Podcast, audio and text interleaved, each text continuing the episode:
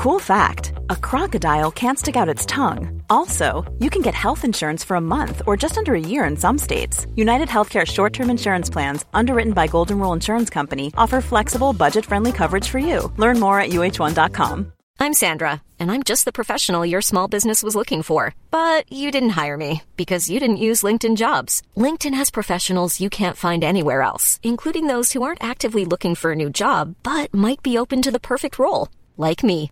In a given month, over 70% of LinkedIn users don't visit other leading job sites. So if you're not looking on LinkedIn, you'll miss out on great candidates like Sandra. Start hiring professionals like a professional. Post your free job on linkedin.com/people slash people today. Millions of people have lost weight with personalized plans from Noom, like Evan, who can't stand salads and still lost 50 pounds. Salads generally for most people are the easy button, right? For me, that wasn't an option. I never really was a salad guy. That's just not who I am. But Noom worked for me. Get your personalized plan today at Noom.com. Real Noom user compensated to provide their story. In four weeks, the typical Noom user can expect to lose one to two pounds per week. Individual results may vary.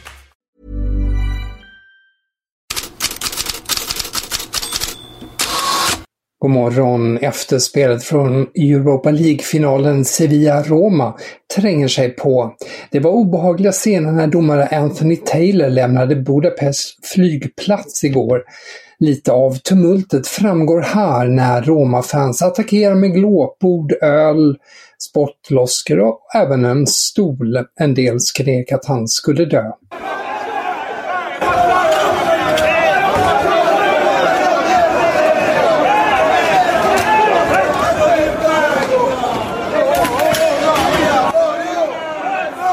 Och Taylor, han var ju faktiskt inte ensam där. Hans familj var med honom och var synligt skärrad. Händelsen har lett till starka reaktioner. Premier Leagues domarråd kallar i ett uttalande behandlingen av Taylor på flygplatsen för oberättigad och avskyvärd. Händelserna kommer nära in på Roma-tränaren José Mourinhos verbala salva mot Taylor i ett garage efter matchen, ni minns.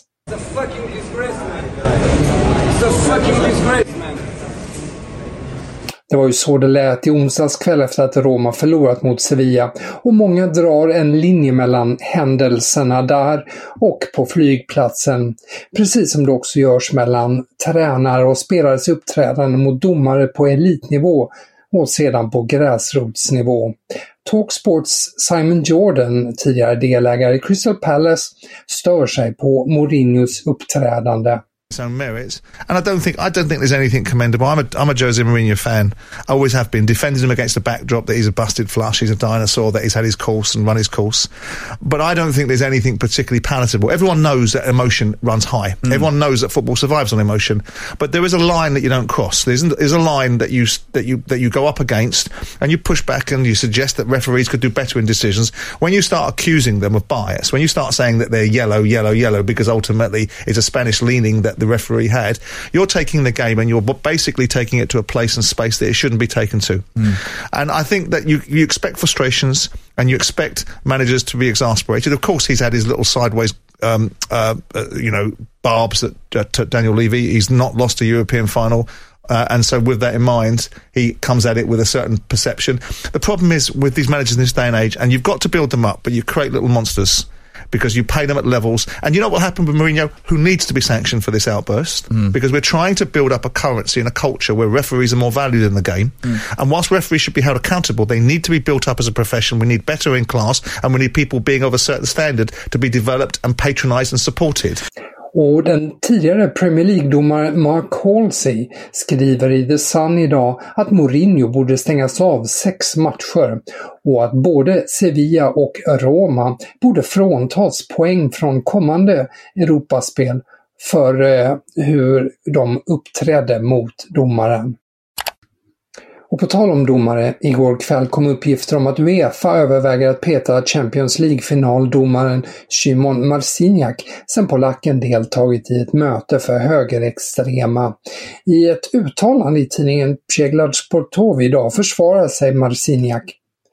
Jag håller alltid avstånd från yttringar av rasism, antisemitism och intolerans, vilket jag också visar i matcherna jag dömer. säger alltså Marciniak. Finalen mellan Manchester City och Inter spelas ju eh, nästa helg den 10 juni. Så två till synes stora, klara farväl. Där är svängt. Vi börjar med Lionel Messi. PSG-tränaren Christophe Galtier bekräftade, som väntat igår, att matchen på lördag blir Messis sista i PSG. Stora rubriker följde, men PSG meddelade sedan till nyhetsbyrån AFP att Galtier menade den sista matchen för säsongen. Varför kan man ju fråga sig. Uh, att PSG gjorde så, för det var knappast vad Galtier menade. Och Le Parisien skriver idag att det inte förändrar någonting. Messi är på väg bort. Vart är ännu inte klart. Men ännu starkare är skiftningen kring Karim Benzema. Enligt samstämmiga uppgifter i press under gårdagen så har ju fransmannen gjort sitt i Real Madrid och flyttat till Saudiarabien. Men på Marcas legendargala sa Benzema sen lite kryptiskt saker som Varför ska jag prata om min framtid när jag är här? Och de som pratar om min framtid är internet och internet är inte sanningen. Ja, efter det så har Marca idag artikel att den 35-årige anfallaren fattat ett beslut. Han stannar i Real Madrid. Han har inte, som uppgetts, pratat med Real Madrid om en flytt och kommer även nästa säsong, säsong att spela i den vita dräkten. Först därefter står dörren öppen för Saudiarabien, skriver alltså Marca. Trots detta så instämmer Marca i uppgiften som täcker hela AS första sida idag. Det är alltså en annan Madrid-tidning. Real Madrid är intresserad av Kai Havertz. Den tyska Chelsea-anfallaren ska ha diskuterats vid ett möte mellan klubbledning och tränare Carlo Ancelotti igår. Enligt AS så äh, gäller Real Madrids intresse oavsett om Benzema stannar eller inte. Zlatan Ibrahimovic dyker upp i ett modereportage i Gazzetta dello Sport idag, men frågor kommer också gällande fotbollsspelandet. Han säger bland annat Vad som händer i klubben vet jag inte. Jag trivs i Milan. Milano är mitt hem. Vad det gäller mitt kontrakt vet jag inget.